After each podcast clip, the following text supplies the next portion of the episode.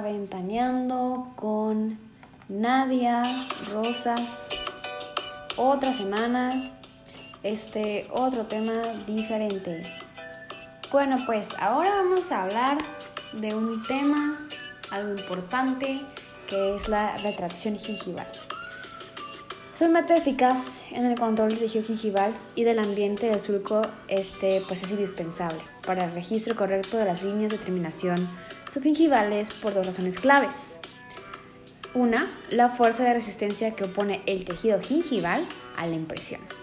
Y la otra, los agentes contaminantes que pueden estar presentes o se pueden generar en el surco. Por lo cual, la retracción gingival es un paso clave e indispensable en la toma de impresión. Y bueno, ¿qué es la retracción gingival? Es el desplazamiento temporal del tejido gingival, lejos del diente preparado, la anchura mínima del surco debe ser aproximadamente de 0.2 milímetros para permitir la entrada del material y así producir el ángulo, cabo superficial de la preparación y lograr una buena impresión. El objetivo general de esta penetración gingival es lo que es crear un espacio suficiente para lograr un grosor adecuado del material de impresión dentro del surco, el cual resista mejor a las fuerzas de desgarre durante la remoción de la impresión. Y bueno, como este em, método de eh, gingival, pues tiene lo que son sus técnicas o sus propios métodos.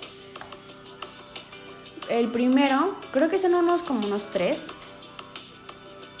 Y vamos a empezar. Es lo que se le llama el desplazamiento mecánico. Y bueno, seguimos con el soundtrack. Bueno, este consiste en desplazar físicamente los tejidos a través de la colocación de un material entre la preparación dentaria y el tejido gingival. El material más usado, más usado en este, este método es actualmente el hilo, comercializado con distintas formas y tamaños. Los hilos de desplazamiento gingival los podemos encontrar en distintas texturas como son hilos eh, de punto, de bramante, trenzados y tricotados. Y pues como nos podemos imaginar, este, los hilos tienen que tener eh, algunas características como que tiene que ser de color oscuro, que es muy importante porque esto ayuda a un máximo contraste con los tejidos y los dientes. También estar disponible en diferentes diámetros para adaptarlo a las distintas profundidades del surco gingival. E igual pues este, capaz de absorber la humedad del medicamento. Para ello pues es mejor el hilo tricotado. Y también que no se arrastre con la fresa. El otro método es el de desplazamiento químico. Este se basa en el uso de un medicamento, ya sea vasoconstrictor como la epinefrina o astringente, eh, sulfato férrico, cloro de aluminio, etc. Esto generalmente, este, este método se acompaña del, del uso de un hilo retractor, que es lo que se conoce como método mecánico-químico o mixto, donde el hilo se impregna de cualquiera de los medicamentos citados anteriormente y también se puede utilizar el astringente en zonas de puntuales. Eh, para una buena impresión, el campo, el campo operatorio debe conservarse tan seco como sea posible. Y bueno, otro de los métodos, y creo que es el último, es el método.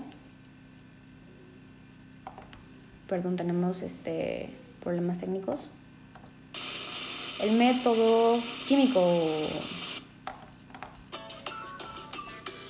Este se va a llevar a cabo eh, mediante electrocirugía o bien mediante curetaje gingival.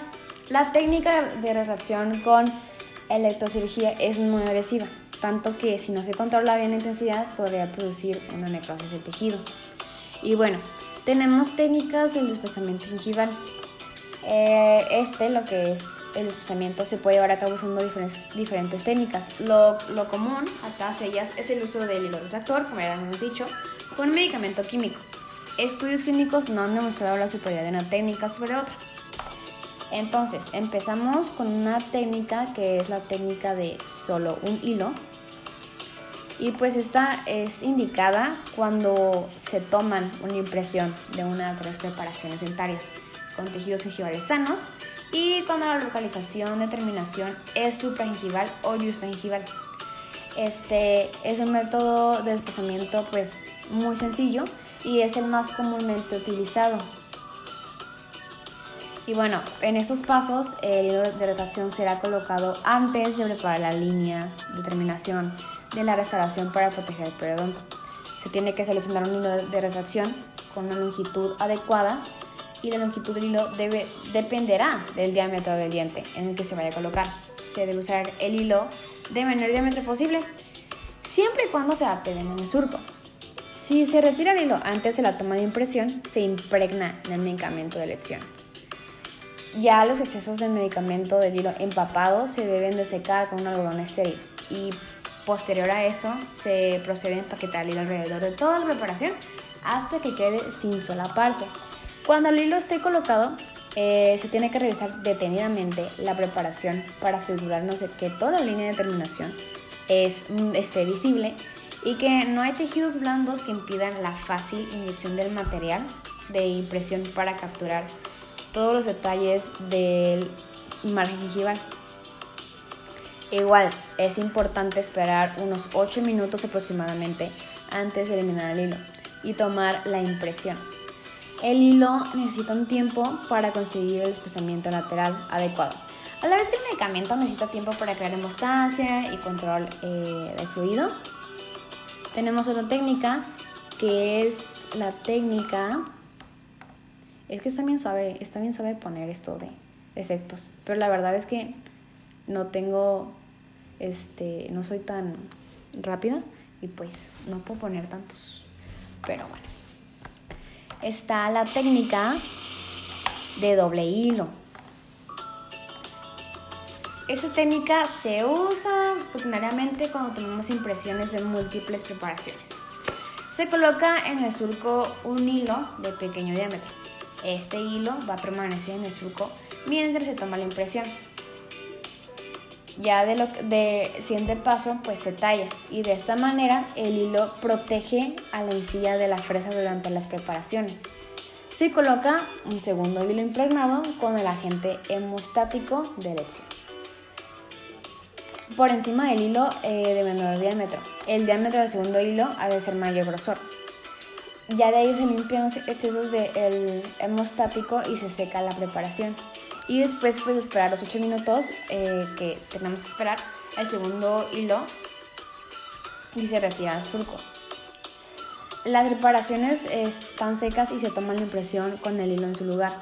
Y después de tomar la impresión, el hilo de menor diámetro se empapa en agua y se retira del surco. Y tenemos por último, pero no menos importante, la técnica selectiva de doble hilo. Y bueno, esta eh, está indicada en tejidos sanos, con irritación, localizada por el tallado. Consiste en la colocación de un primer hilo extra fino en la porción inflamada del surco, para colocar posteriormente el segundo hilo con la técnica descrita de un solo hilo. El primer hilo se emplea para conseguir a la hemostasia y se deja en el surco para que salga retirado con el material de impresión. Así el hilo más superficial se retira antes de colocar el material de impresión. Y bueno, esto es todo por hoy. Espero que la información les haya servido, este sea eh, un poco más fácil. La verdad es que no lo hago los podcasts este, muy largos porque la verdad pues eh, trato de, que mis podcasts sean chicos y entendibles como cada semana, ¿no? Este, hasta aquí llegó el capítulo de hoy de Ventaneando con Nadia. Hasta luego.